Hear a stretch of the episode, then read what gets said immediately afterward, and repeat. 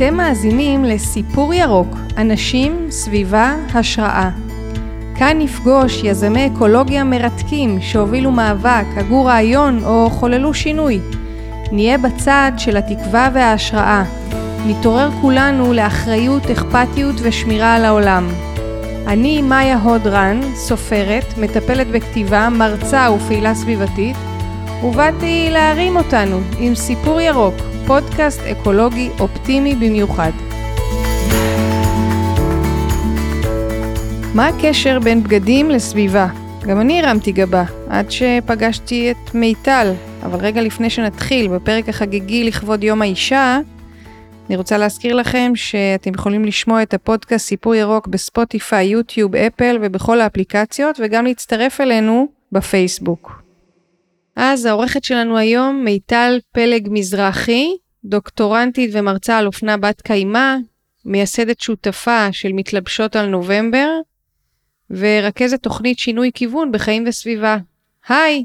היי מאיה, תודה רבה שהזמנת אותי. איזה כיף להיות פה. לגמרי. תגידי, מה, יש קשר בין אופנה לסביבה? אוף, כן, יש קשר עמוק מאוד. תעשיית האופנה היא, נכון להיום, אחת מהתעשיות הכי מזהמות על פני uh, כדור הארץ. אני פחות נכנסת לאם זו התעשייה השנייה, השלישית או הרביעית, זה פחות מה שמעניין בתוך הסיפור, אבל אנחנו כן יודעים ש... זו אחת מהתעשיות הכי מזהמות, ולא רק הכי מזהמות, אלא גם אחת התעשיות הכי מנצלות שיש. זאת אומרת, תעשייה מאוד מאוד לא מקיימת. ככה שהקשר הזה הוא קשר מאוד משמעותי. אני יכולה להגיד מהנקודת מבט שלי, שגם לי לקח הרבה שנים לראות בכלל את, ה, את החיבור. זאת אומרת, למרות שבאתי מתוך uh, תעשיית האופנה, ובגדים תמיד uh, היו חלק משמעותי מהחיים שלי, החיבור הזה שבין אופנה וסביבה זה משהו שלקח לי כמעט 30 שנה לגלות. Uh, אז זה לא חיבור אינטואטיבי ואני מבינה למה אנשים כל כך מופתעים כש, כשאני מתחילה לדבר על, על הנתונים. אז תגידי איך בכלל התחלת להתעסק בזה. ההתחלה של זה הייתה מתוך אה, אהבה גדולה לאופנה יותר מלבגדים. היה לי הרבה מאוד בגדים כתוצאה מהאהבה הזאת לאופנה ו... ודברים התגלגלו ככה ש... שמצאתי את עצמי, הרגשתי שהארון שלי יצא מ... משליטה. ו... ואם זה מעניין אז, אז אולי אני גם אספר אחר כך איך זה, איך זה קרה, אבל... אה, ספרי, ספרי.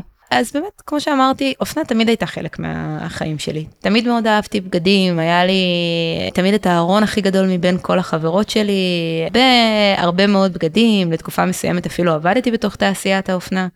ולמרות שכל הזמן הייתי מוקפת בבגדים, כל הזמן הייתי בתחושה שאין לי מה ללבוש. התחושה הזאת הלכה והתעצמה עם השנים, בטח ובטח ככל שהגוף שלי השתנה. נכנסתי להיריון ראשון, עליתי 20 קילו, ירדתי 20 קילו, ומצאתי את עצמי בנקודה מסוימת אחרי ההיריון הראשון עם ארון שיכול להספיק לפחות לשלוש נשים, אם לא יותר, ואיכשהו עדיין הייתי כל הזמן ב, גם בתחושה הזאת שאין לי מה, מה ללבוש, וגם במרדף אחרי uh, לקנות עוד ועוד.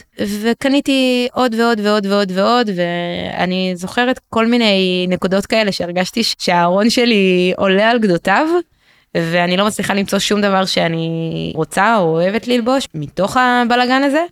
אז הפתרון היה לקנות משהו אחר, כי אני לא מוצאת מה ללבוש, אז, אז הדבר ההגיוני זה לקנות, ואיפשהו זה כבר התחיל להציק לי. זה הפסיק להיות כיף, ולא היה לי כיף לא בנקודות של הקנייה, אבל גם לא במקום הזה של ה... הנה בגדים, משהו שאני אוהבת, ותמיד היה לי מאוד מהנה.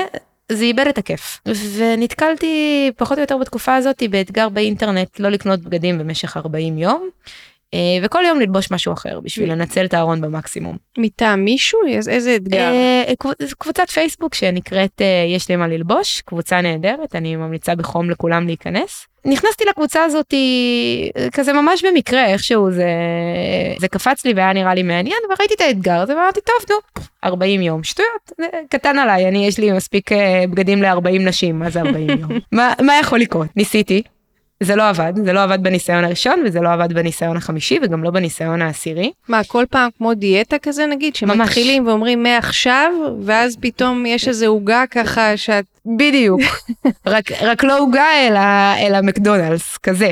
כאילו גם לא איזה משהו מאוד שווה. אבל את עוברת כאילו בחנות ואת לא יכולה לעמוד בפיתוי. חנות, אינטרנט, זה כבר מזמן לא החנויות, החנות אה, נמצאת איתנו בטלפון אה, כמעט 24/7 או 24/5. אז מה, את, את, זאת אומרת, זה אפילו לא באמת אז לצאת לרחוב, זה להחליט כאילו שאת לא נכון. נכנסת לאתרים האלה. זה להחליט שאני לא נכנסת לאתרים האלה, זה גם לחסום את הפרסומות מהאתרים האלה שקופצות לנו כל הזמן. סך הכל הטלפון שלנו זה המכשיר שנמצ... שנמצא איתנו כל היום, צמוד צמוד, אה, מכיר אותנו לא פחות טוב מהאנשים היקרים לנו ביותר, והפרסומות מכוונות אלינו ומטרגטות אותנו ככה. שנקנה, זה היה בכל מקום. מה גם שזה הרגלים, אהבתי לקנות.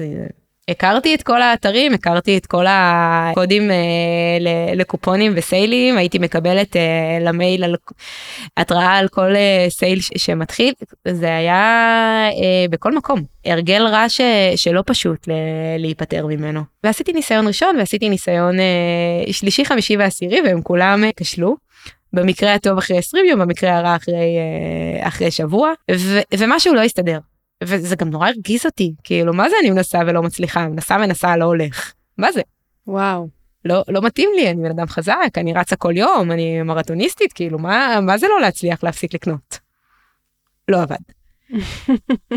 ויום אחד, ב, במקריות או שלא במקריות, במסגרת הלימודים שלי של התואר השני, למדתי מדיניות ציבורית. ולקחתי קורס uh, קיימות ומדיניות ציבורית. גם לא כי הוא היה נשמע לי מעניין במיוחד, זה פשוט הסתדר לי במערכת, uh, זה אפשר לי פטור מסטטיסטיקה, הייתי מאוד מרוצה. מהסידור הזה והתחלתי את הקורס הזה אצל אה, אלון טל היקר שלימים הפך, הפך להיות למנחה שלי בתזה ובדוקטורט והקורס הזה היה נקודת uh, מפנה משמעותית. אחד מהדברים שהיינו צריכים לעשות בקורס זה איזושהי מטלה של אקטואליה כל אחד בתורנות להביא בשבוע שלו משהו ובמקרה או שוב שלא במקרה כי אין באמת מקריות אני נפלתי על ה-24 לרביעי. יום מהפכת האופנה. חיפשתי סביב התאריך הזה מה קרה בעולם שמעניין ו... ויכול להיות קשור לקיימות, והופ, קופץ לי יום מהפכת האופנה, ואני מסתכלת, וזה היה כמו, כמו כדור צמר ש... שמושכים חוט ו... ומקבלים עוד ועוד ועוד ועוד, ופתאום אה, נפתח לי שער לכמויות בלתי נגמרות של מידע. ואני ממש זוכרת את, ה, את הרגע הזה שאני יושבת מול המחשב וקוראת על, על כל המשמעות של תעשיית האופנה וכל הנתונים הנוראים האלה, מעבדות ועד להטמנה של משאית מלאה בבגדים מדי דקה, ואני ככה תופסת את הראש ואומרת לעצמי, שומו שמיים, זה אני. זה אני עושה את זה, זה, זה אני וכרטיס האשראי שלי שהורסים את העולם, זאת אני. ואני, שתפסתי מעצמי בן אדם סבבה, אני בן אדם שאכפת לי, מתנדב, עושה, פעילה, טבעונית. אני הורסת את כדור הארץ ככה, ובשביל מה? בשביל השמלה בסייל? זו הייתה נקודת אה, מפנה מאוד משמעותית. כמו התעוררות כזאת. לגמרי, לגמרי, זה התעוררות, וגם יש משהו ברגע שנפתחות לנו העיניים ש... שאי אפשר לעצום את זה חזרה. זה, זה כבר לא עובד. כמו לקחת את הגלולה האדומה. לגמרי, לגמרי, כמו במטריקס. זה, נכנסתי לתוך המטריקס הזה של תעשיית האופנה פעם נוספת, אבל מהדלת השנייה. זה היה כמו הנגטיב של כל מה שהכרתי עד עכשיו. כל מה שהיה יפה וכיף ומגניב, פתאום ראיתי את המכוער של זה, וזה מאוד מכוער, ואפשר עוד מעט לדבר גם על, גם על זה, וקצת לשמוע את המספרים, כי הם באמת נתונים מאוד קשים. והרגשתי כאילו ש... כמו שבחרתי בטבעונות, זה, זו הייתה הרגשה מאוד דומה. כאילו איזשהו משהו של בושה. אני לא מאמינה שאני עושה את זה. והגעתי למטלה הזאת בשיעור, הייתי צריכה להציג 10 דקות, צלטתי על חצי שעה. היה לי כל כך הרבה מה להגיד על זה, ואני זוכרת את, את הסיטואציה הזאת שכולם ככה נשארים פעורי פה. החצי שעה הזאת זה גם מה שלימים הפך להיות ההרצאה שלי, סוף העונה, שאני מדברת על אופנה ועל סביבה, ומשם הדברים כבר נראו אחרת. אז מה, נגיד, מה כל כך זעזע אותך? תגידי משהו כן על נתונים ועל דברים שהפילו אותך מהרגליים. אני חושבת מאיפה להתחיל, כי זאת באמת תעשייה מאוד מאוד מאוד קשה. בכל שלבי הייצור, מהשלב של גידול הכותנה, אה, תעשיית האופנה היא זו שאחראית לשימוש ברבע מהכימיקלים הרעילים בעולם, כשבזמן שעל כל מה שקשור למזון יש לנו הרבה מאוד רגולציה, כי אנחנו מכניסים את זה לגוף, כשזה מגיע לכותנה אז הרגולציה הרבה יותר נמוכה או כמעט ולא קיימת, ואנחנו מסתכלות על אה, הרבה מאוד כימיקלים רעילים שצריך להשתמש בהם בשביל לייצר את הבגדים שלנו. לצורך העניין בשביל לייצר חולצת טישרט אחת אנחנו צריכות כמות של 150 גרם של קוטלי חרקים רעילים. 150 גרם תחשבו כשאנחנו מכינים עוגה על הכמות הזאת זה המון זה בשביל חולצה אחת. דרך הצביעה שזה תהליך מאוד מאוד מזהם שמצריך שימוש בהרבה מאוד מים ושוב כימיקלים רעילים. סדר גודל של 8,000 אה, כימיקלים רעילים בשביל, אה, בשביל כל בגד, זה המון המון המון המון המון. דרך, דרך כל שלבי הייצור, גזירה, אה, גזירה ועד בסוף הטמנה. מה זה, אמרת מקודם הטמנה, לא הבנתי. נכון להיום העולם טובע בבגדים. העולם טובע בבגדים לא רצויים. אם כל חברות האופנה יפסיקו לייצר בגדים מחר בבוקר, יש לנו מספיק בגדים בעולם לעוד 50 שנה קדימה. למה? כי חברות האופנה מייצרות הרבה יותר בגדים ממה שאנחנו באמת יכולים, רוצים וצריכים. חברות האופנה היום מוציאות, חברות האופנה המהירה כמובן מוציאות 52 קולקציות בשנה. זה מייצר מצב שבו 100 אלף טונות של בגדים לא רצויים מוטמנות באדמה או נשרפות מדי uh, שנה. זה המון המון המון המון המון בשביל להבין על איזה מספרים אנחנו מדברים. מדי דקה רק בארצות הברית לבד מוטמנת באדמה ונשרפת משאית שלמה עמוסה בבגדים לא רצויים. מדי דקה. זה אומר שבזמן הזה שאנחנו מדברות פה כבר 30 משאיות מלאות בבגדים נשרפו. הם מייצרים כמויות בלתי נתפסות של פסולת טקסטיל, ופה לא נגמרת הבעייתיות עם התעשייה הזאת. תעשיית האופנה היא גם התעשייה השנייה הכי מנצלת על פני כדור הארץ. תעשייה שנמצאת מקום ראשון בתאונות עבודה, אנחנו שומעים כמעט כל שבוע על תאונת עבודה מאוד קשה בהקשר לתעשיית האופנה. עובדים בתעשיית האופנה עובדים 72 שעות בשבוע, זה יוצא ממוצע של 10 שעות ביום, אפילו יותר, 7 ימים בשבוע. יותר מחצי מהעובדות בתעשיית האופנה מדווחות על, במפעלי הייצור מדווחות על uh, התעללות באופן קבוע, התעללות פיזית. רק בפברואר האחרון, פברואר 2021, שמענו על מקרה שעובדת במפעל שמייצר בגדים ל-H&M, ג'ייסר קרטיבל, תפה על ידי המנהל שלה ונרצחה. עכשיו זה לא מקרה חריג, זה אפילו לא עשה רעש, זה דברים שנמצאים בשגרה של תעשיית האופנה. אבל זה אפשר להגיד את זה בעצם על כל מפעל או תעשייה, לא? אני לא חושבת. אני חושבת שכשאנחנו מייצרים כל כך הרבה במחיר כל כך נמוך, זו חייבת להיות התוצאה. אבל אני לא יכולה לחשוב על עוד uh, תעשייה כמו תעשיית האופנה, שבה מצד אחד כמות המוצרים שאנחנו מייצרים עלתה בצורה כל כך משמעותית בעשורים האחרונים, ומצד שני המחיר נשאר אותו דבר ואפילו ירד. אנחנו מייצרים היום פי 400 יותר בגדים ממה שייצרנו בשנות ה-80, פי 400, אבל אנחנו משלמים עליהם פחות, וההוצאה שלנו למשק בית ירדה, ההוצאה על בגדים. זה אומר שאנחנו קונים הרבה הרבה הרבה הרבה הרבה יותר בגדים זולים ממה שקנינו פעם ואנחנו משתמשים בהם הרבה פחות ממה שהשתמשנו פעם בכל בגד. וגם שיש בייצור אה, מישהו שמשלם על זה את החשבון. בדיוק. הדוגמה הכי מפורסמת שאי אפשר שלא לדבר עליה זה אה, אסון רנה פלאזה. ב-24 לאפריל 2013 קורס מפעל אופנה ענק בבנגלדש שמייצר בגדים עבור כל חברות האופנה הגדולות שאנחנו יכולות לחשוב עליהן, אה, זרה, בנטון, H&M, you name it, כל חברת אופנה גדולה שאנחנו מכירות יצרה בגדים במפעל הזה. עכשיו בבוקר של האסון הפועלות והפועלים מגיעים למפעל ו... ומסרבות להיכנס. הן אומרות אנחנו אנחנו רואות את הסדקים בקירות אנחנו מרגישות את הרעידות במפעל הולך לקרות פה אסון אנחנו לא רוצות להיכנס לפה זה מסוכן. אחרי דין ודברים של אה, שעתיים הן נאלצות להפסיק את השביתה הספונטנית הזאת פשוט כי הן עניות מדי בכדי להרשות לעצמם אה, אה, להמשיך לא לעבוד. נכון נכון נכון. עזבי אפילו להתפטר לשבות לא, לא לעבוד עד שלא יתקנו את הליקויים, ז, זאת לא הייתה אופציה והן כולם נכנסות. ובארבע וחצי בצהריים של אותו יום, בזמן uh, חילופי המשמרות, כשהמפעל uh, עמוס במיוחד, המפעל קורס וקובר אותן חיות. 1147 פועלים ופועלות נהרגו באותו היום, 3,000 אה, פועלים נוספים אה, נפצעים, ותעשיית האופנה יוצאת לחשבון נפש מאוד מאוד עמוק, שבעקבותיו אה, בין היתר קמה תנועת פשן רבולושן, תנועת מהפכת האופנה. עכשיו הסיפור הזה הוא, הוא סיפור מזעזע וקשה, והרבה דברים טובים קרו בעקבותיו. זה באמת הייתה נקודת מפנה עבור הרבה אנשים בתעשייה, ולא במקרה כשה... אני נפלתי אם אני חוזרת רגע לסיפור הראשון, כשאני נפלתי עם הרפרנט שלי על יום מהפכת האופנה, וזה הצליח לטלטל אותי ככה, כי זה באמת סיפור מאוד קשה. אבל חשוב להגיד שזה לא סיפור חריג, זה לא סיפור יוצא מן הכלל. דיברתי על אה, ג'ייסר קרטיבל, העובדת שנרצחה על ידי המנהל מפעל בשני לפברואר, אבל בשמיני לפברואר, שישה ימים אחר כך, 28 עובדים במפעל בטנג'יר, מפעל שמייצר בגדים ואור לתעשיית האופנה, נהרגו בתאונה. היו גשמים, אה, היה הצפה במפעל, ובגלל שהם עבדו בקומת מרתף אה, עם לקויי ביטחון, הם כולם טבעו חיים. הסיפור הזה אה, אפילו לא עשה רעש, זה לא הגיע בכלל לתקשורת הישראלית, וזה בהפרש של שישה ימים מה, מהסיפור הקודם. זאת אומרת, אנחנו מדברים פה על תעשייה שהיא לא רק תעשייה אה, השנייה הכי מזהמת, אלא גם תעשייה מאוד מאוד מאוד מאוד מנצלת, והסיבה לזה היא חד משמעית המחירים הזולים שאנחנו משלמים על בגדים. אם הבגד שלנו זול מדי, זה כי מישהו אחר שילם עליו את המחיר.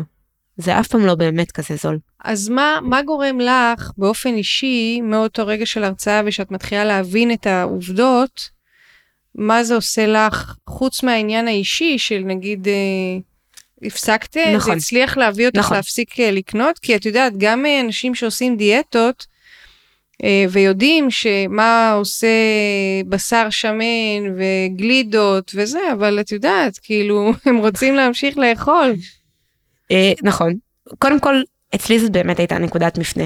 לי זה, לי זה כן הספיק בשביל להצליח לשנות את, ה, את הדברים עבורי. כי בפעם הראשונה היה לי תשובה משמעותית ללמה. זאת אומרת זה כבר לא היה רק אני רוצה להפסיק לקנות בגדים כדי להוכיח לעצמי שאני יכולה לא לקנות במשך אה, חודש וקצת. לא או... רק להיגמל. כן זאת אומרת פתאום הבנתי גם כמה זה נורא והבנתי ש, שאני לא יכולה שוב, לא, כבר לא יכולתי, לקחתי את הגלולה האדומה. וזו הייתה הפעם הראשונה שהצלחתי, ובאמת עמדתי באתגר ולא קניתי בגדים במשך 40 יום. אה, אבל דבר נורא מוזר קרה אחר כך, כי ביום ה-41 לא היה בא לי. ולקח לי קצת זמן, וגם כשחזרתי לקנות, קניתי בצורה אחרת, ממקומות אחרים, אה, יותר יד שנייה, יותר אקו קולקשנס, אבל דברים כבר לא היו אותו דבר. וחזרתי על האתגר הזה עוד, לעוד כמה סבבים בשביל להוכיח לעצמי שאני יכולה. ובאחד מהסבבים ש... שסיימתי 40 יום, כבר לא היה בא לי לחזור לקנות. דברים נראו אחרת, כבר לא יכולתי לקנות כמו פעם. זה לא הרגיש אותו דבר, זה לא היה כיף כמו פעם, ולא היה לי חשק, וממילא יש לי את כל הבגדים ש... שאני צריכה ויותר מזה. והחלטתי לראות כמה זמן אני יכולה להמשיך עם זה. זה היה מין כזה, טוב, נו, בשביל הספורט, בוא נראה כמה זמן אני יכולה בלי לקנות. וככה הארכתי את זה בהתחלה לשלושה חודשים, ואחר כך לחצי שנה, ובסוף זה הפך להיות שנה שבה לא קניתי בגדים. וואו. זה, מרשים. זה היה אה, ניקוי רעלים ארוך מאוד. שנה שלמה אה, לא קניתי בגדים, כן החלפתי בגדים, הייתי, השתתפתי במסיבות החלפה, הייתה גם אה, איזושהי אפליקציה של החלפות בגדים, אבל לא קניתי בגדים במשך שנה שלמה, ושרדתי כדי לספר. זה אפשרי. הייתה שנה מאוד מלמדת, ותוך כדי גם השנה הזאת התחלתי להרצות על זה. לקח לי קצת זמן להרגיש בנוח להרצות רק על אופנה, בהתחלה הייתה לי הרצאה על, על צדק סביבתי, על, על סביבה וצדק חברתי במקומות שהם מתחברים, והיה שם שקף אחד על, על אופנה שתמיד כזה גרר אה, מלא שאלות ותגובות, והוא גדל להיות אה, שני שקפים שלושה שקפים, עד שזה הפך להיות הרצאה שעומדת בפני עצמה, ובשלב מסוים מצאתי את עצמי שפתאום אופנה בת קיימא, אה, אופנה הוגנת, אופנה אתית, אופנה איטית, יש לזה המון שמות, אבל פתאום הסיפור הזה של אופנה אחרת, אופנה הוגנת, הפך להיות מאוד משמעותי בחיים שלי, וחלק ממה שמגדיר את הזהות שלי. ואז החלטתי לכתוב על זה דוקטורט. וואו. כן, כן. אה, שוב בזכותו של אה, אלון טל שהוא באמת איש מאוד יקר. בהתחלה התכתב, התכוונתי לכתוב את הדוקטורט שלי בכלל על, אה, על נושא אחר גם בהקשר של סביבה וכלכלה אבל לא על אופנה והוא עשה מעשה מאוד חכם. והושיב אותי לשיחה ואמר לי תקשיבי מיטל את טובה בזה את אוהבת את זה זה מעניין אותך יש לך את, ה, את הידע ואת התשוקה לזה רוצי למה לא בעצם. והופתעתי לגלות שזה תחום שכמעט ואף אחד לא חוקר בארץ. יש אה, חוקרות שחוקרות אופנה, יש אה, הרבה חוקרים בתחום של סביבה, אבל החיבור הזה של אופנה וסביבה לא קורה מספיק, והחלטתי שאני הולכת על זה. אני עכשיו בעיצומו של, אה, של כתיבת הדוקטורט, מרתק. מה גילית בדוקטורט? כי את אומרת שהיה הרבה ידע שבאת איתו, ומה התחדש לך? קודם כל תמיד יש uh, מקום לעוד ידע. אני, אני כל פעם מופתעת מחדש כשאני מגלה עוד, uh, עוד נתון או עוד משהו שלא ידעתי, אבל אני חושבת שהדבר המעניין שגיליתי ולא ידעתי לפני כן זה איך מנסים להתמודד עם זה בעולם. בישראל זה, זה תחום שהוא עוד יחסית לא מפותח, בטח לא מהנקודה של מדיניות ציבורית ורגולציה. כי אנחנו בעיקר מייבאים בגדים, לא? אנחנו בעיקר uh, מייבאים בגדים, אנחנו בעיקר מייבאים בגדים גם uh, מהנקודת מבט של uh, תעשיית האופנה, זאת אומרת מי שמוכרים לנו בגדים, אבל גם כצרכנים, אנחנו מאוד מאוד גבוהים ביבוא לנפש. אנחנו קונים הרבה מאוד בגדים באופן uh, אישי, מה שנקרא יבוא אישי. חלק מהסיפור פה זה גם uh, סוגיית המס על טקסטיל, uh, הפטור ממס. המס בישראל על uh, יבוא אישי במשך שנים היה יותר נמוך מבכל מדינות ה-OECD, הוא הלך וירד עד שהגענו לפטור מלא עד 75 uh, דולר. זה גם נושא שנמצא בלב המחלוקת בין משרד הכלכלה לאיגוד יצרני הטקסטיל בישראל, והם צודקים במחלוקת הזאת. כשהמדינה באה ואומרת, הנה תקנו בגדים זולים או לא זולים, אבל הנה תקנו קנו בגדים בלי מס מאסוס, מאלי אקספרס, משיין, שין, אה, בוהו. המשמעות של זה היא שאנשים יקנו משם ולא תוצרת מקומית, כי תוצרת מקומית זה יקר יותר. הם, בניגוד לצרכנים, לא מקבלים פטור על, אה, על יבוא. אז יש פה איזושהי נקודה שהיא מאוד בעייתית מבחינה רגולטורית. Mm-hmm. אבל בעולם מתמודדים עם זה אחרת וזה תחום שהוא הולך וגדל ומתעורר. בין הדוגמאות המעניינות יש לנו את הברית של האו"ם לאופנה בת קיימא. אחד הדברים המעניינים שהאו"ם עשה, יש לאו"ם הרי את ה-SDGs, ה-Sustainable Development Goals, היעדים שהאו"ם הגדיר להתפתחות בת קיימא. אה, אחד מהיעדים זה יעד 12 ייצור אה, מקיים. אז הם הגדירו את uh, תעשיית האופנה בתור הדרך uh, להשיג את, כל היעד הזה של uh, ייצור וצריכה מקיימים בהקשר לכל התעשיות. ובשביל להגשים את זה הם, הם הקימו את הברית לאופנה בת קיימא. אז אנחנו כן רואות התעוררות בעולם, מה שאני מנסה לעשות במסגרת הדוקטורט זה לראות איזה מהתהליכים האלה אנחנו יכולים לייבא לישראל, מה אנחנו יכולות לעשות. אני לא כל כך הבנתי מה, מה הם אומרים שם ב... מה זה אומר אופנה, היעד הזה של ה-12 שאמרת? אולי כדאי רגע לקחת אה, כמה צעדים אחורה ולדבר בכלל על מה זה אופנה בת קיימא. אני מדברת על זה כאילו שזה מאוד ברור מה זה, אבל, אה, אבל אני לא בטוחה שזה, שזה כל כך ברור. נתחיל מהשם של זה. אני אומרת אופנה בת קיימא, אבל יש לזה הרבה שמות אה, נוספים. אפשר להגיד אופנה איטית, אפשר להגיד אה, אופנה הוגנת, אפשר להגיד אופנה אתית. יש לזה הרבה שמות, ומה שמשותף לכל הדברים האלה זה הרצון להציב אלטרנטיבה לתעשיית האופנה המהירה. תעשייה שמוציאה 52 קולקציות בשנה ומחליפה מאוד מאוד מהר טרנדים. וגם אמרת את העניין של ההטמנה, שמה זה אומר? שמטמינים את הבגדים, חופרים באדמה, שמים את הבגדים וסוגרים שבאיזה קטע זה? מה, זה שזה יחזור לאדמה? שזה יתכלה? מה? מתכלה זה לא יתכלה, לבגדים שלנו... זה סינתטי. Uh, זה סינתטי, זה גם עשוי מ... הבגדים שלנו ברובם הגדול עשויים מתערובת של כל מיני uh, חומרים וסיבים ביחד. בדרך כלל uh, זה 80% מהם זה כותנה ופוליאסטר. זאת אומרת, הבגדים שלנו עשויים מתערובת של כמה חומרים ביחד. זה משנה לנו כי המשמעות של זה זה שכמעט ואי אפשר למחזר את הבגדים. מחזור של בגדים הוא תהליך מאוד מאוד מאוד יקר ולא משתלם כלכלית. והתוצאה של זה זה שרק אחוז אחד מהבגדים שאנחנו מעבירים למחזור בפחים הכתומים והכחולים האלה של מחזור באמת מגיע למחזור ומתמחזר. כל יתר הבגדים שאנחנו מעבירים למחזור או נשרפים או מוטמנים באדמה. עכשיו זה לא רק חבל על כל המשאבים ואמרנו מקודם שזה מערב הרבה מאוד אה, מים והרבה מאוד קוטלי חרקים ודשנים וכימיקלים רעילים אז זה לא רק חבל בהקשר הזה אלא זה גם אה, כמובן עושה מאוד רע לאדמה. כשאנחנו מכניסים לתוך האדמה בגדים אה, בכמויות כאלה, שיש בהם כל כך הרבה כימיקלים רעילים, וכשאנחנו שורפים אותם זה מזהם את המי תהום, זה מזהם את האוויר, תלוי אם הטמנו או שרפנו, ויש לזה השלכות סביבתיות מאוד קשות. יש איזו השערה כזאת, שכשאנחנו שמים את הבגדים בביגודית או משהו כזה, זה מגיע לכל מיני עניים. יש היום עוני שקשור לביגוד בעולם? אני בספק. אמרתי מקודם, אחד הנתונים היותר משוגעים על תעשיית האופנה זה שאם כל חברות האופנה יפסיקו לייצר בגדים מחר בבוקר, יש לנו מספיק בגדים לעוד 50 שנה קדימה. נכון להיום העולם טובע בבגדים, וחנויות כמו ביגודיות או צ'רטי שופ בחו"ל, מצליחות למכור אה, רק 30% מהבגדים שהן אה, מקבלות. 10% אם זה בתקופות אה, של חג שכולם עושים סדר בארון. כל שאר הבגדים נשלחים לאפריקה. ואנחנו רואות היום uh, תופעה של מדינות שלמות באפריקה שהוציאו מחוץ לחוק קבלה של uh, תרומות בגדים. גם הם טובים בבגדים, גם הם לא צריכים את ערומות, את ערימות הבגדים שאנחנו מעבירים להם בתור uh, תרומה, תרומה אני אומרת במרכאות כפולות כי זה לא באמת תרומה. הם לא צריכים את זה, זה מוטמן באדמה, זה הורס להם את המי תהום וזה על הדרך גם הורס להם את הכלכלה המקומית, זה פוגע להם בתמ"ג. ככה שהתרומה הזאת היא לא באמת תרומה ואם אנחנו רוצים להעביר הלאה בגדים שסיימנו להשתמש בהם, מוטב להעביר אותם למישהו שאנחנו יודעים שרוצה לקבל את זה ולא אגן שקיות גדולות לחנות בשביל להיפטר מהם. אני כן אחזור רגע לנקודה של אופנה איטית כי, הרבה פעמים כשאני מדברת על כל הדברים האלה אז, אז אנשים קצת אה, מתייאשים וזה עושה מין כזה לא לא טוב נו עזבי אני לא רוצה את הגלולה האדומה תודה אל תספרי לי. לא רוצים לשמוע את האמת. כן לא רוצים לשמוע את האמת וגם אני, אני מבינה את זה כי, כי, כי כשמדברים על נתונים כל כך מבהילים של uh, משאית כל דקה ורק אחוז אחד שמתמחזר ועולם שטובע בבגדים זה נשמע מין כזה נבואות זעם של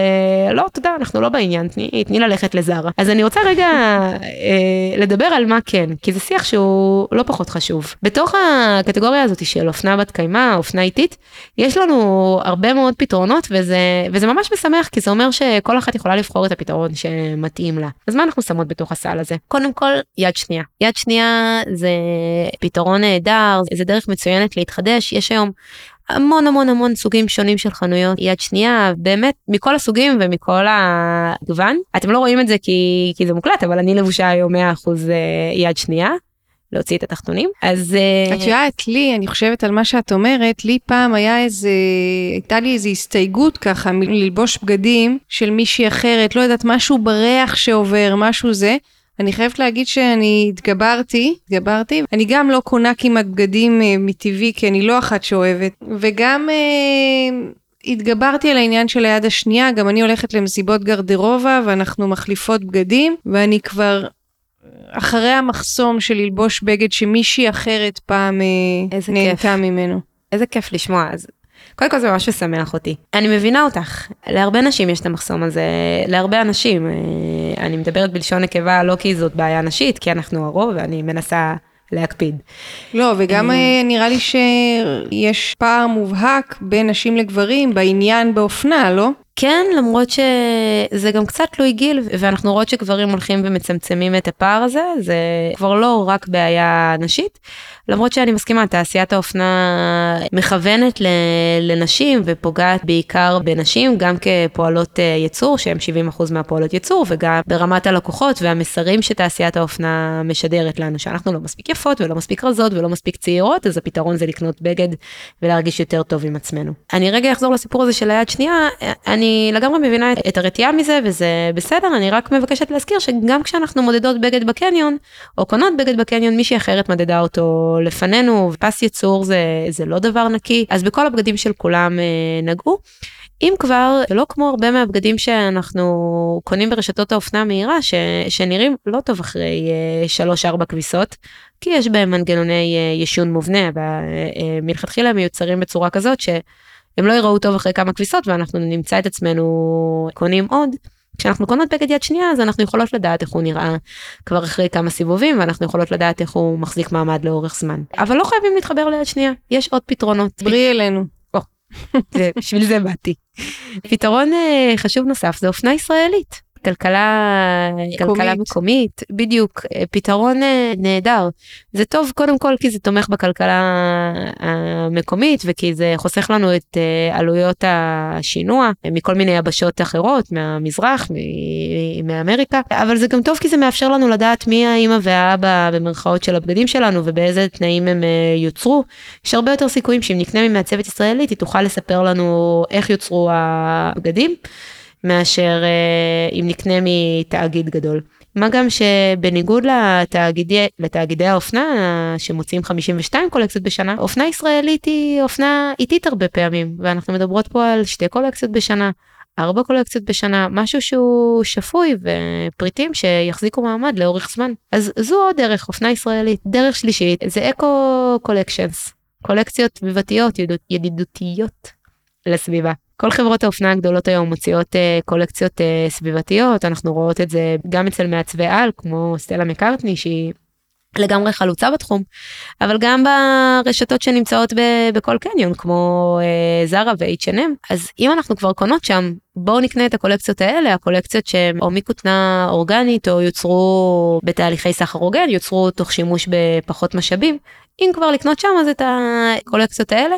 אז אם, אם החברות האלה כבר עושות את זה, אז למה הן עושות את זה על כזה אחוז קטן מהחנות? זה קצת מורכב, אבל uh, אני חושבת שפעם אחת אנחנו הצרכנים uh, עדיין צריכים לשדר את, ה, את המסר שיש לנו עניין בקולקציות האלה, ופעם שנייה כי בסוף מודל הרווח שלהם מבוסס על אופנה מהירה. ומבוסס על 52 אה, אה, קולקציות בשנה ותחלופת טרנדים מאוד מאוד מאוד מאוד מהירה. והדגם ייצור הזה של אופנה מהירה הוא לא יכול להיות מקיים. ולבוא ולהגיד אוקיי אז פשוט תעבירו את כל פס הייצור שלכם לסוסטיינבול זה, זה דבר והיפוכו.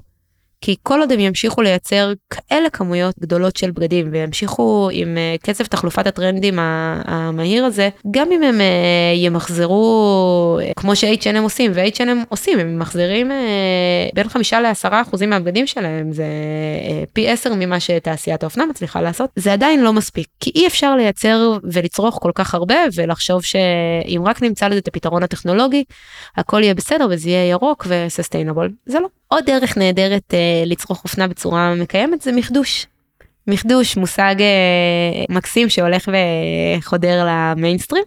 כולם יודעים מה זה מחזור, מחדוש זאת האחות השיקית של אה, מחזור. אז על מה אנחנו מדברות? מחדוש זה כשאנחנו לוקחים אה, בגד, פריט לבוש, אה, אחד או יותר, מפרקים אותם ומייצרים מהם בגד אה, חדש מבחינה ויזואלית. זה לא מחזור, אנחנו לא מפרקים אה, פה לרמה, את הבגד לרמה הכימית, רק את המבנה שלו ומייצרים ממנו משהו חדש. ככה חולצה יכולה להפוך לתיק, מעיל יכול להפוך למכנסיים וכולי וכולי. מאוד מאוד מאוד מגניב, אה, יש כל מיני מעצבות שעושות את זה בארץ, רי גל ומאנץ' ומי שיחפש מחדוש באינטרנט יוכל למצוא. אבל הדרך הפשוטה לעשות את זה, אם אנחנו לא רוצים uh, לעשות עכשיו גוגל על uh, מחדוש, זה להתיידד עם uh, תופרת טובה, ולקחת עליה פריטים ש, שסיימנו ואנחנו כבר לא, לא רוצים, ולבקש שתהפוך את זה למשהו חדש. ובכלל, uh, להתיידד עם תופרת טובה זה, זה גם עצה טובה. עצה לחיים, עצה לחיים. בדיוק. לגמרי, לגמרי. התיידדו עם תופרת טובה וכל בעיותיכם ייפתרו. לגמרי לגמרי וזו עצה לחובבי אופנה ולא רק תופרת טובה זה זה בסל כלים שצריך להיות לנו לחיים אז אז מחדוש. מחדוש, תופרת טובה. זה נשמע כמו, את אומרת תופרת טובה ומחדוש, זה נשמע כמו מקצוע בפני עצמו, זאת אומרת אה, שיש פה אומנות, יכולה להיות פה אומנות. לגמרי, ואני גם חושבת שהעתיד של תעשיית האופנה הולך לשם. אני אומרת את זה גם כי אני קוראת דוחות כלכליים שמדברים על העתיד של תעשיית האופנה, וכל מה, הדוחות... מה, מה צופן לנו העתיד? אופטימיות. כל הדוחות הכלכליים שאני קוראת שמתייחסים לאופנה, אופנה מהירה אל מול uh, sustainable fashion, כולם אומרים את אותו דבר במספרים כאלו ואחרים, שמי ש... ימשיך בתרחיש עסקים כרגיל של אופנה מהירה יפסיד כסף וילך וייעלם ולעומת זאת מי שילך ויאמץ את הכיוון הזה של אופנה ירוקה של sustainable fashion של אופנה בת קיימא צפוי להגדיל את הרווחים שלו כי לשם תעשיית האופנה הולכת ולשם הצרכנים הולכים אז אנחנו חלק מתנועה עולמית אה, הולכת וגדלה. וואו זה ממש אה, אופטימי. נכון. ואני אני אגיד עוד אה, עוד דרך אחת לצרוך אופנה בצורה קיימת שחשוב להכיר וזה לקנות מדויק ככל שאנחנו נתיב אה, לדייק גם את הסגנון האישי שלנו וגם את הצרכים שלנו ונקנה פחות לפי לפי טרנדים אנחנו גם נראה יותר טוב אבל אנחנו גם אה, נוכל לקנות פחות ולצרוך בצורה חכמה ובסוף חשוב מאוד להגיד אני ככה מדברת על יד שנייה ומחדוש ואופנה ישראלית. אבל בסוף, בסוף, בסוף, הבגד הכי מקיים והכי ירוק שאפשר, אה, שאפשר ללבוש, הוא הבגדים שכבר יש לנו בארון. רגע לעצור לפני שאנחנו קונים אה, עוד פריט, להעריך את החיים של הבגדים שלנו ולהשתמש בהם כמה שיותר, זה חד משמעית הדבר הכי ארוך שאנחנו יכולים לעשות מבחינת אה, אופנה. אז המון עצות, ואחת מהן, אה, את בעצמך אה, קידמת. אז בואי תספרי. אז בואו נדבר על מתלבשות על נובמבר, תנועה שיקרה לליבי. מתלבשות על נובמבר, מיזם שהתחיל באוקטובר 2019, לפני כמעט שנה וחצי, מה שהיום אה, הולך וגודל אה, להיות התנועה לקידום אופנה הוגנת בישראל. התחלנו את מתלבשות על נובמבר אה, בזמנו אני, מיכל אה, לסטר ועוד כמה אה, מתנדבות ומתנדבים. רגע לפני אה, נובמבר, לכן גם השם, תוך רצון רגע לעצור את הטירוף קניות הזה של אה, נובמבר. נובמבר אנחנו מכירים אותו בתור אה, נובמבר השחור, חגיגות המבצעים, Black Friday, Cyber Monday, חג הרווקים הסיני ועוד כל מיני אה, חגים ב... הקריסמס. כריסמס כמובן, כריסמס זה בדצמבר, אבל... לא, אבל זה קשור, לא? נכון, נכון, נכון. אנשים מתחילים להתכונן. נכון. בכלל, אני קוראת לזה חגים, אבל זה, זה לא חגים, וכל קשר בין זה לבין חג אה, מקרי בהחלט. כל החגים ב, במרכאות כפולות ומכופלות האלה, זה מניפולציות אה, שיווקיות שנועדו לגרום לנו לקנות יותר, והתוצאה היא שבזמן שרק 20% מהמבצעים שאנחנו רואים בחודש נובמבר באמת אה, מגלמים הנחה אמיתית, זאת אומרת, באמת יש בהם הנחה, החנויות חנויות, אה, חנויות האופנה מרוויחות יותר מחצי מהרווחים שלהם בשנה רק בחודש נובמבר. אנחנו רואות עלייה בלתי נתפסת בחודש נובמבר בקניות של אה, אופנה, ממש איזשהו טירוף של קניות של בגדים, ולא רק בגדים, אבל הרבה מאוד אה, בגדים, ואנחנו רצינו לעצור את זה.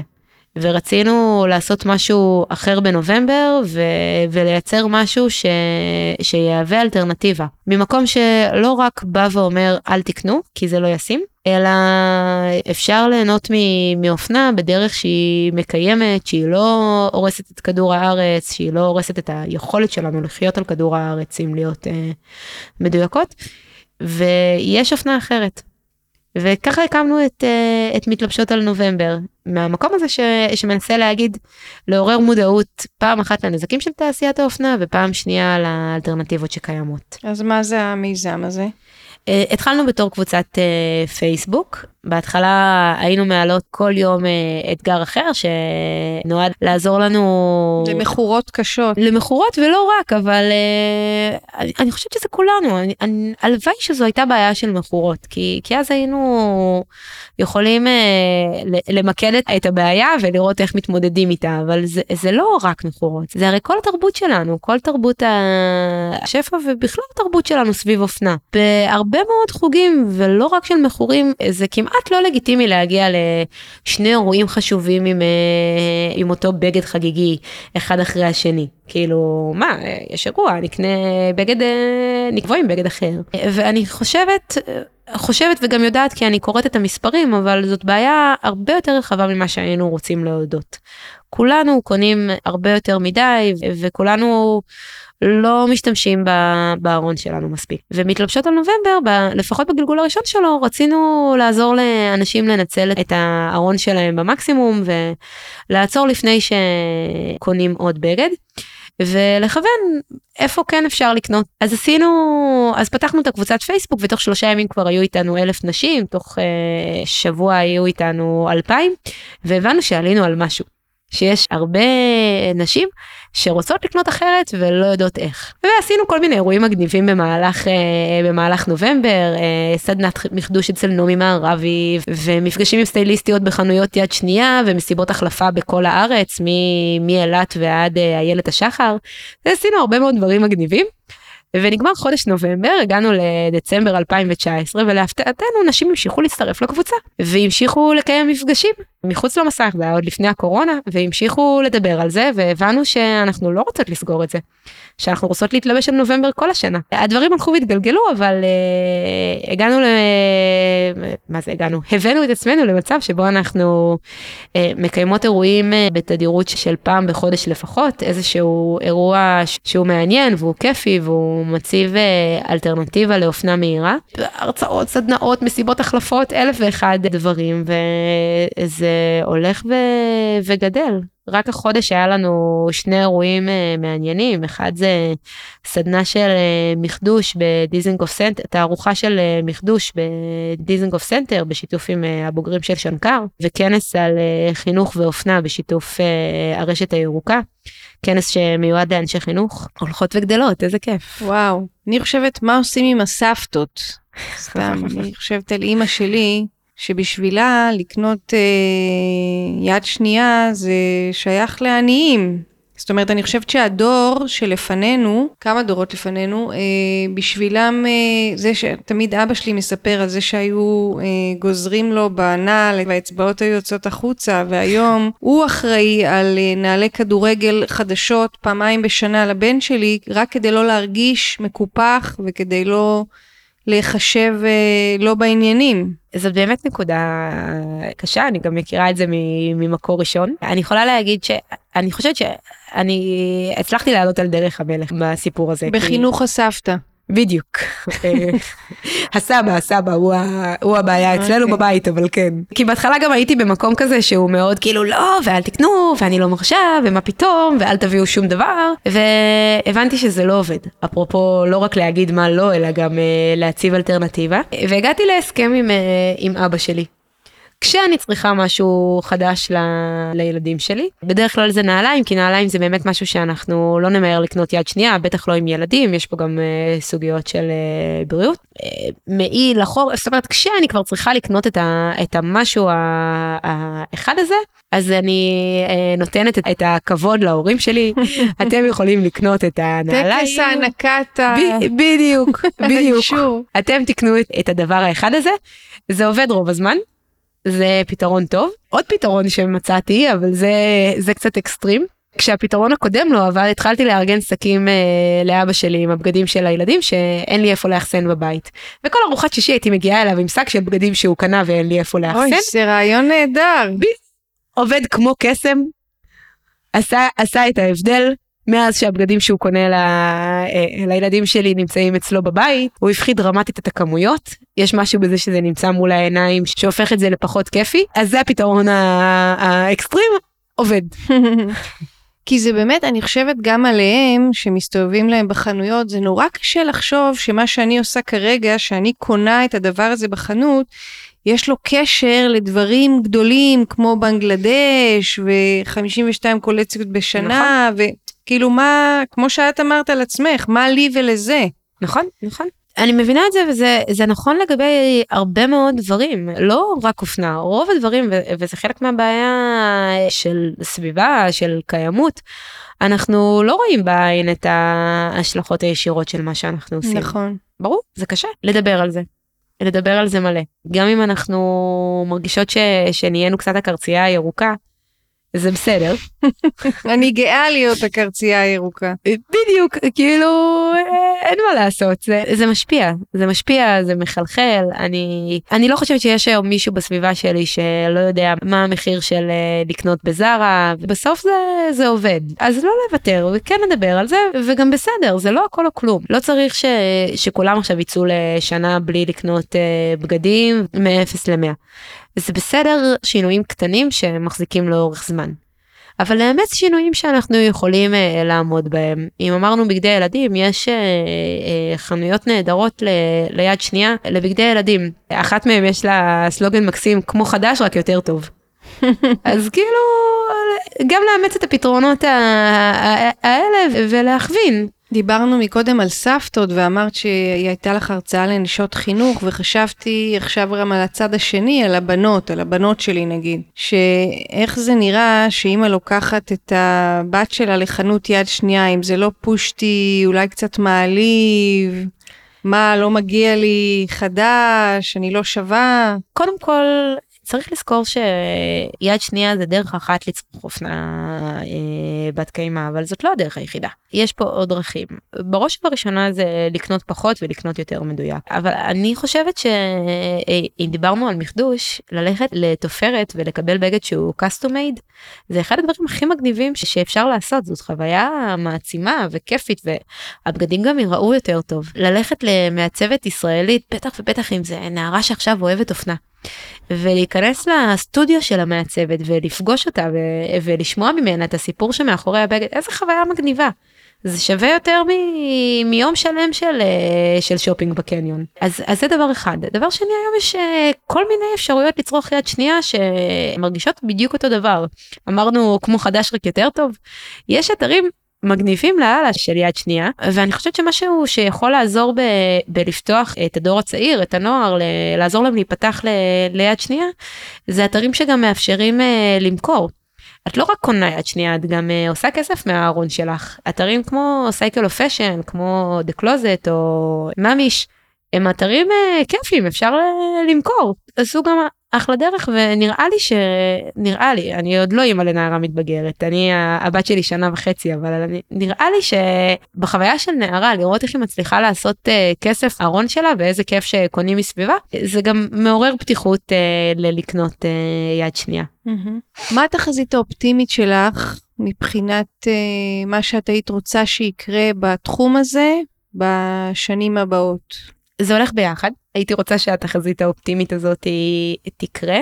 אני חושבת, אני מאמינה שעולם האופנה הולך למקום שהוא יותר ויותר אה, מקיים ומקומי. ראינו את זה אה, גם במהלך אה, שנת הקורונה הזאת, שמשהו בחוויה של אה, להיות סגורים בבתים לאורך כל כך הרבה זמן עם כל החפצים שלנו, הוביל לעלייה מאוד משמעותית במכירות של יד שנייה. במכירות של יד שנייה, בקניות של, של תוצרת מקומית, אנשים פתאום הפכו פתוחים יותר לתוצרת מקומית ומבינים את המשמעות ולמה זה חשוב לתמוך בתעשייה מקומית. ועוד תופעה מגניבה ש...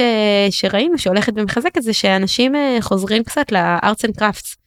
ואנחנו רואים הרבה יותר אה, אה, עבודה עם הידיים. עכשיו שלושת הדברים האלה קשורים אחד לשני כי אני חושבת שאנחנו נלך ונראה יותר ויותר אה, בחזית של, אה, של אופנת המיינסטרים.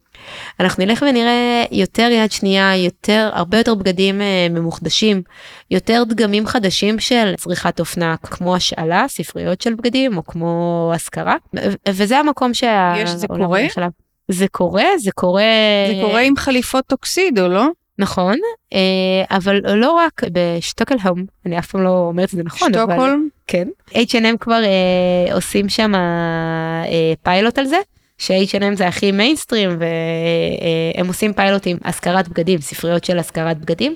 בברלין אנחנו גם רואים אה, רשתות אה, דומות, רשתות מקומיות שעושות את זה וזה עובד וזה עובד טוב. וואו. מאוד מאוד משמח, זה קצת כמו המחסני בגדים שהיו לנו בקיבוץ פעם. אז, אה, אז זה חוזר לזה אבל, אבל יותר טוב, יותר כיף ויותר מגניב. אה, את מקיבוץ? בעוונותיי.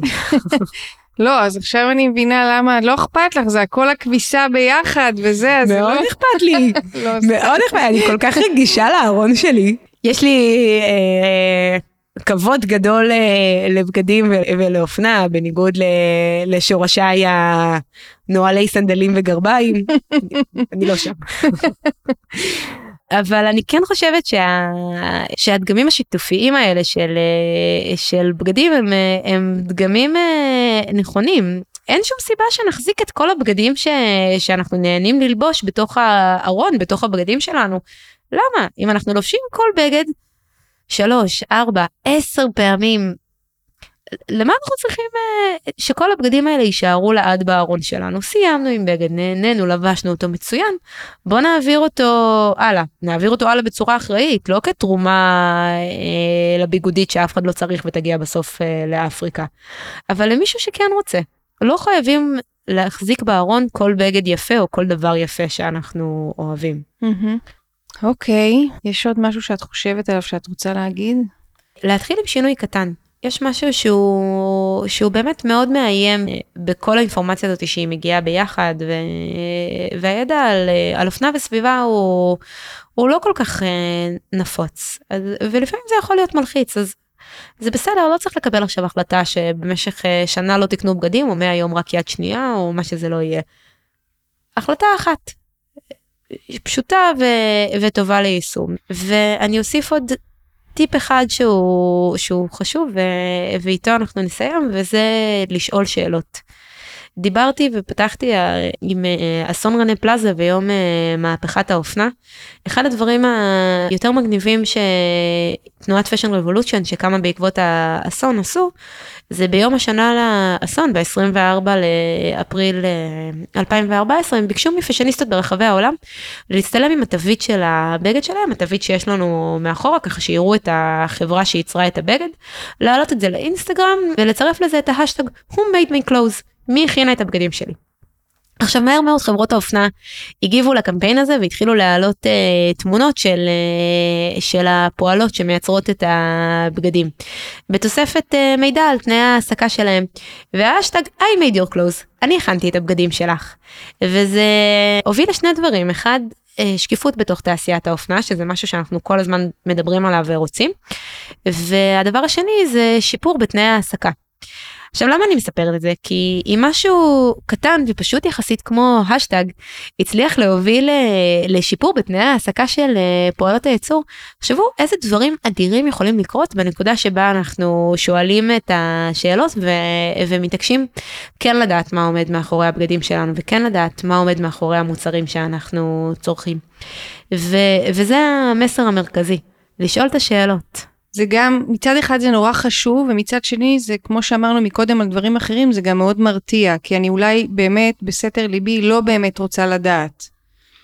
אבל uh, אני חושבת שזה שאמרת, לעשות את זה לאט לאט, זאת התחלה טובה. כאילו, אני לא צריכה לדעת את כל הדברים ולשאול את כל השאלות ולקבל את כל ההחלטות היום, אני יכולה ללכת עם זה צעד צעד.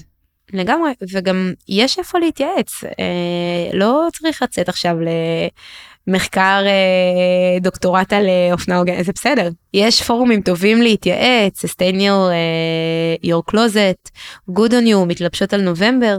יש איפה למצוא אה, מידע, אנחנו מבטיחות לנסות לעשות את זה כמה שיותר ברור ו, ופשוט, זה לא באמת מפחיד. זה לא, זה לא רק מידע, זה גם תמיכה ל, ל, לדרך הזאת. נכון, נכון. יש איזה שקופית שאני תמיד פותחת איתה את ההרצאות של הארון שלי שנשבר לשתיים. יום אחד פתחתי את הארון והוא פשוט נשבר לשתיים. הרגשתי כאילו הוא מחזיר לי על כל מה שאני עושה לו, שהוא תוקף אותי חזרה. עכשיו אני, אני כבר תקופה ארוכה מתלבטת אם להוריד את השקף הזה כי זאת עמדה כזאת קצת לא נעימה כאילו יותר כיף לבוא ולהגיד אה, אני דוקטורט אתה לא אה, לא הצלחתי להפסיק לקנות בגדים והארון שלי נשבר לשתיים אבל אני משאירה את זה למרות שזה מעורר בי נוחות כי כולנו היינו שם. זה בסדר לא להצליח זה זה תהליך דווקא זה אני חושבת שזה מאוד מחבר לסיפור ואני בתור מי שמלמדת ביבליותרפיה אז אני תמיד אה, שואלת מתי ולמה אנחנו יוצאים למסע. ובדרך כלל אנשים יוצאים למסע של הגיבור שלהם בגלל משבר. אז ארון שבור זה סוג של משבר שמוציא לדרך. כן, כן, לגמרי. טוב, אה, מיטל פלג מזרחי, איזה, למדתי המון דברים. אה, אני מרגישה שאני מתחדשת לא רק בבגדים אלא גם במחשבות. יש. ותודה שהגעת עד לכאן.